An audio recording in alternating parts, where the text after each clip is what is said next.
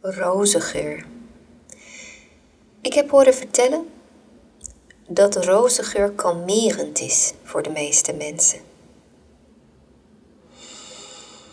Maar het hangt wel van je associatie af, lijkt mij.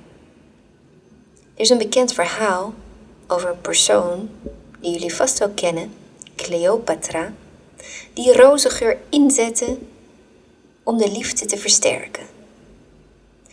Want zij ontving haar geliefde Marcus Antonius in haar vertrekken met rozenblaadjes. Ze strooide rozenblaadjes op de vloer van haar vertrekken en op haar bed, zodat als hij op die rozenblaadjes stapte, binnenkwam en op de rozenblaadjes ging liggen, de geur vrij kwam en dan elke keer als hij op reis, op een van zijn reizen, rozen rook, zou hij aan Cleopatra denken, zijn geliefde.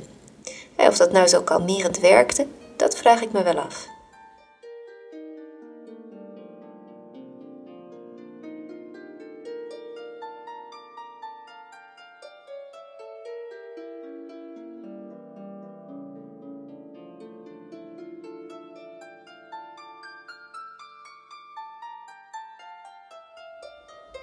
Het kan gebeuren dat u in het rosarium mensen aantreft die op de knieën met hun neus tussen de rozen zitten.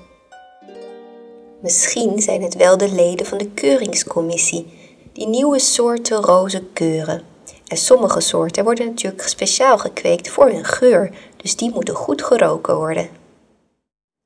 De plek in het rosarium waar die nieuwe soorten staan aangeplant kan per jaar verschillen, maar op het moment in 2022 is dat als men met de rug naar het station staat aan de rechterkant, achter de pergola, de proefperkjes. Rozenkwekers, die mogen dus hun roos daar neerzetten. Ter keuring. En er is een speciale keuringscommissie, die gaat drie keer of vier keer per jaar gaan ze daar langs om die roos te, te keuren. Er zijn allemaal nieuwe rozen. Als zo'n roos een, uh, goed bevonden wordt, krijgt die rozen een predicaat. En dat is een teken voor die kweker. Oké, met die roos ga ik doorkweken. Dan, uh, er staan ook rozen tussen. Nou, die, die lijken nergens op. Dat, dat, dat, die zitten met ziektes en al zo. Die, die verdwijnen dan gewoon. Yeah. Als zo'n roos goed gekeurd wordt, na een paar jaar, gaan wij vakken vernieuwen. Oude rozen gaan we het uithalen.